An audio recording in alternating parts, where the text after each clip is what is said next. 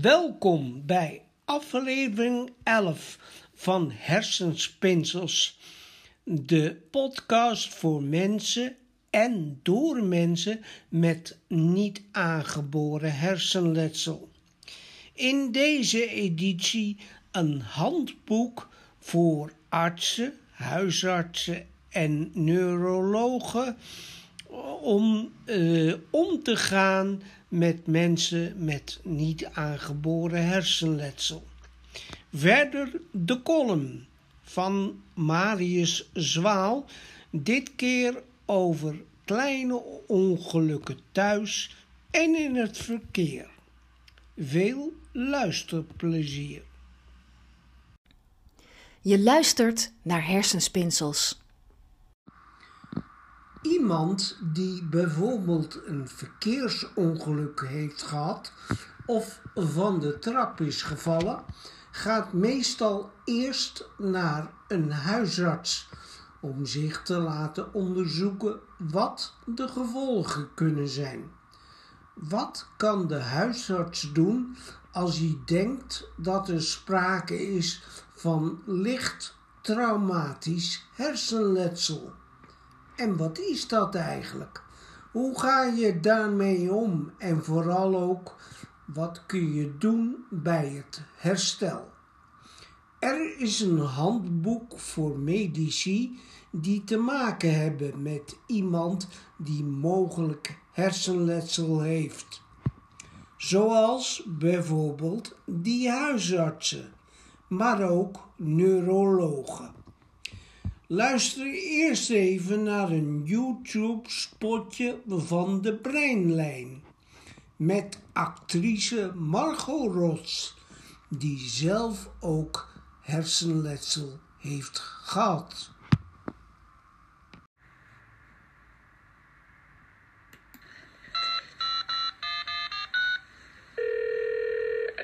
Goedemorgen. Ik bel voor mijn man Rudy. Die heeft een jaar geleden een beroerte gehad. En nou wil hij weer gaan sporten. En we willen weten of dat eigenlijk wel mag. Ja, sporten is natuurlijk voor iedereen goed. Maar of dat nu voor uw man goed is? Ja, ik dacht ook. Dit is echt een vraag voor de huisarts. Is hij nog onder behandeling van de neuroloog? Nou, daar zijn we al even niet geweest. Goedemorgen. Waarmee kan ik u van dienst zijn? Ik ben op zoek naar de afdeling neurologie. Is uw man patiënt bij ons? Want ik zie hem er niet in het systeem.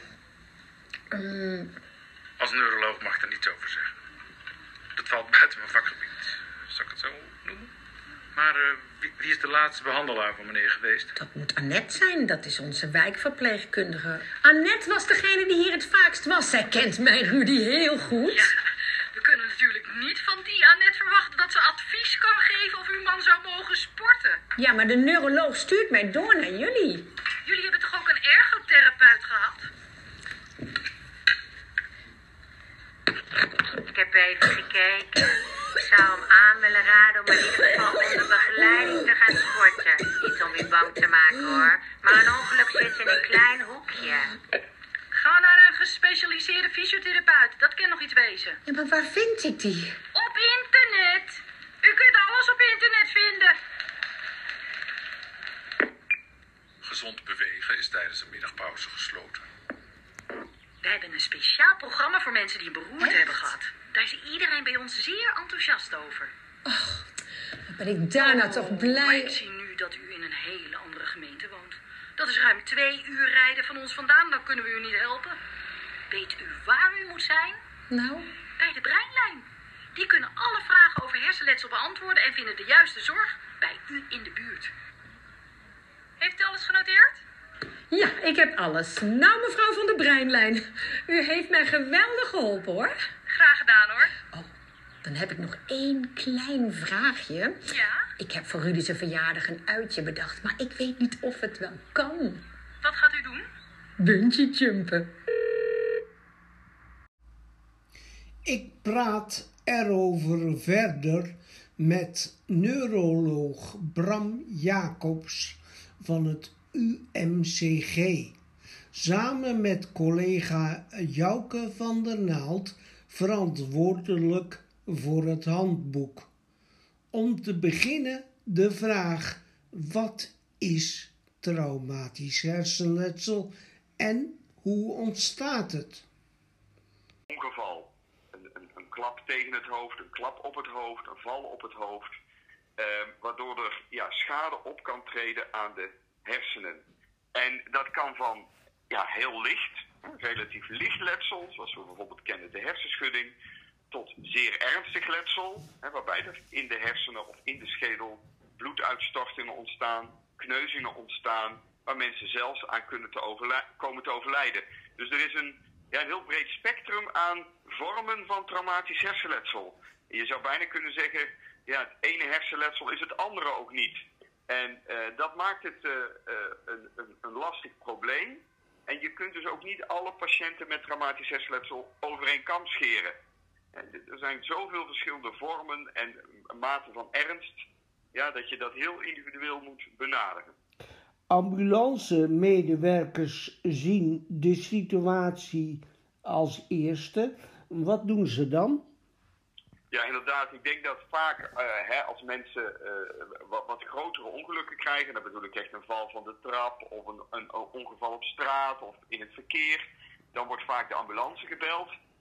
En die ambulanceverpleegkundigen, ja, die zien dus eigenlijk ook al die verschillende mensen, dus mensen met een hersenschudding, maar ook mensen die in coma worden aangetroffen. En ehm ze hebben daar natuurlijk een aantal richtlijnen en protocollen voor. Hoe kijk je naar deze mensen? Hè? Wat doe je als eerste? Vaak wordt er eerst gekeken, is er nog ademhaling? Is de bloeddruk goed? Is de hartslag goed? En dan gaat men ook kijken naar bijvoorbeeld het bewustzijn van de patiënt. Is iemand wakker? Eh, loopt iemand rond? Of eh, inderdaad ligt iemand op de straat in coma of onderaan de trap in coma? Of zien ze bijvoorbeeld door de val dat er verschil is in het gebruik van een arm of een been? Hè? Is er een verlamming ontstaan? Dus zij hebben eh, een, een opleiding gehad om mensen dus op die manier goed na te kunnen kijken en beschikken over allerlei richtlijnen en protocollen hoe ze deze patiëntencategorie als het ware aan moeten vliegen. Waar kijk je naar en hoe kijk je daarnaar? En dan komt de huisarts in beeld. Welke vragen stelt die dan? Ja, laat ik zeggen, de, de lichtere patiënten, oneerbiedig gezegd, eh, de, de, de mensen met milder letsel, eh, daar komt inderdaad vaak de huisarts aan de pas. Of ja, de ambulanceverpleegkundige rond het af, hè, als het goed met iemand gaat, of neemt iemand mee naar het ziekenhuis. Dat zijn natuurlijk een aantal mogelijkheden die kunnen gebeuren. Laten we ervan uitgaan dat de huisarts de volgende is die met die patiënt in contact komt. Ja, die zal heel erg nauwkeurig gaan kijken, wat is er precies gebeurd? Hoe kwam het dat je viel of dat dat ongeluk is gebeurd? En die zal bijvoorbeeld vragen stellen, eh, ben je buiten bewustzijn geweest? Kun je je alles nog goed herinneren? Is er sprake van imprintingstoornissen of geheugenproblemen rondom het ongeval? En bijvoorbeeld waren er andere signalen dat er iets met je hersenen mis was? Heb je na het ongeval eh, een, een mondhoek die hangt of een arm die het niet goed doet? Of eh, spreek je moeilijker? Ja. En dus de, de, de neurologische uitvalsverschijnselen. En die dingen worden dan meegenomen ook om iets te zeggen over de ernst van het letsel. Ja, ik heb begrepen dat de huisarts ook vinger aan de pols moet houden in de eerste weken na het ongeluk. Waarom is dat zo belangrijk? Ja, als je kijkt naar, eh, hè, want we gaan nu eh, het pad van de huisarts op. Dat zijn dan de mensen, eh, laten we het maar even zeggen, met een hersenschudding. De mensen met een hersenkneuzing of die in coma zijn, die worden echt wel door de ambulanceverpleegkundige naar het ziekenhuis gebracht. Hè, maar laten we kijken wat de huisarts kan doen bij mensen met een hersenschudding.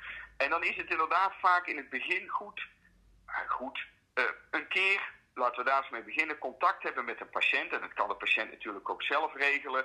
Ehm, van hoe gaat het nu met je? Is het beloop in positieve zin? Herstel je langzaam? Hoe kan ik je helpen om bepaalde keuzes te maken? Hè, wat we vroeger zagen, misschien herinner jij dat ook nog wel, als kind, als je een hersenschudding had, moest je twee weken in het donker liggen.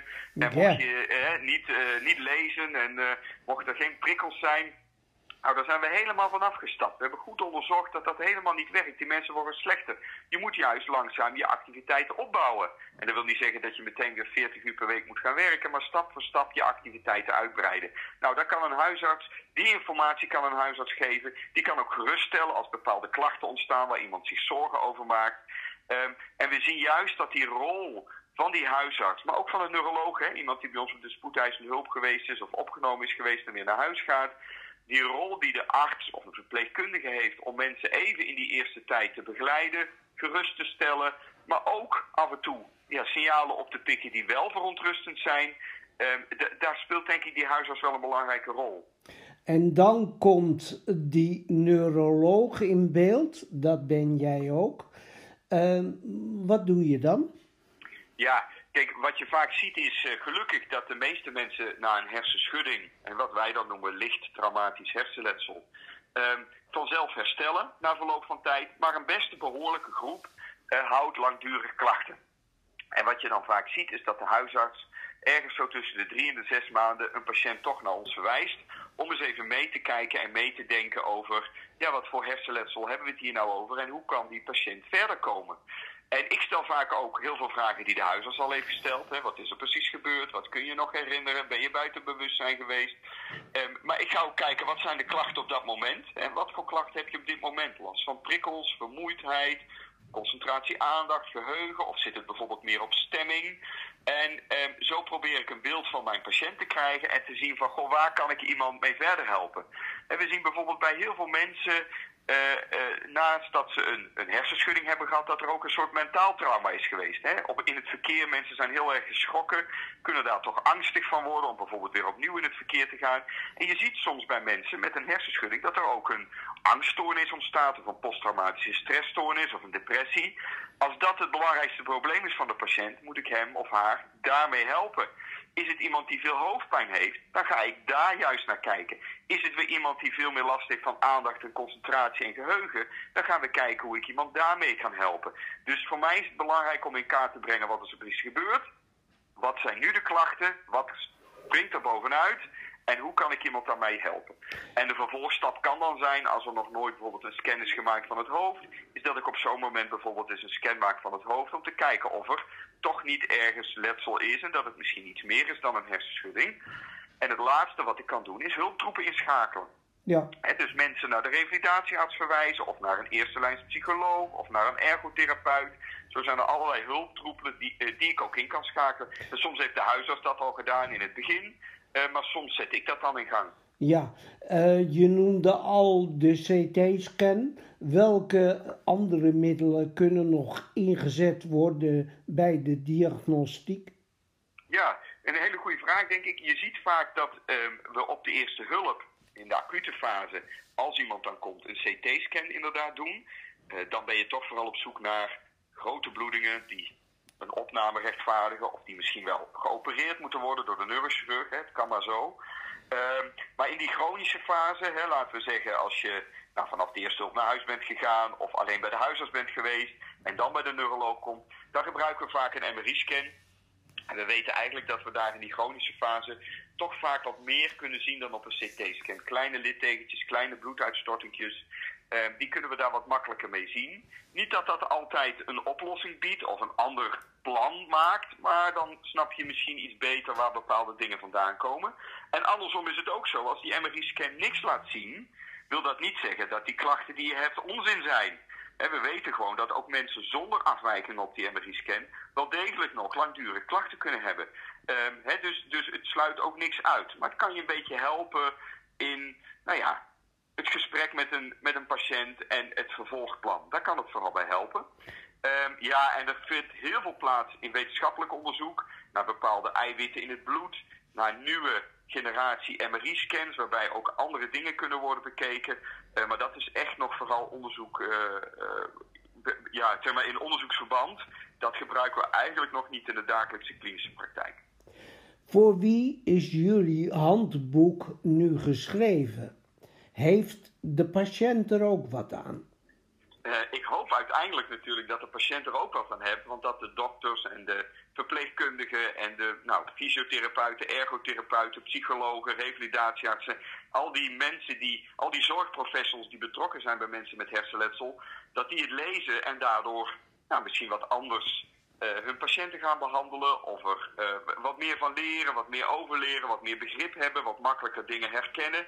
Dus uiteindelijk hoop je met zo'n handboek dat je de zorgprofessionals beter maakt en daardoor ook natuurlijk voor de patiënten dingen bewerkstelligt. Dus ja, de patiënten hebben er zeker wat aan, Maar denk ik niet altijd door direct zelf nou dat boek te gaan lezen. We zien toch, we maken wel gebruik van medisch jargon en bepaalde tekeningen en figuren die toch wel wat opleiding eh, nou ja, eh, nodig maken.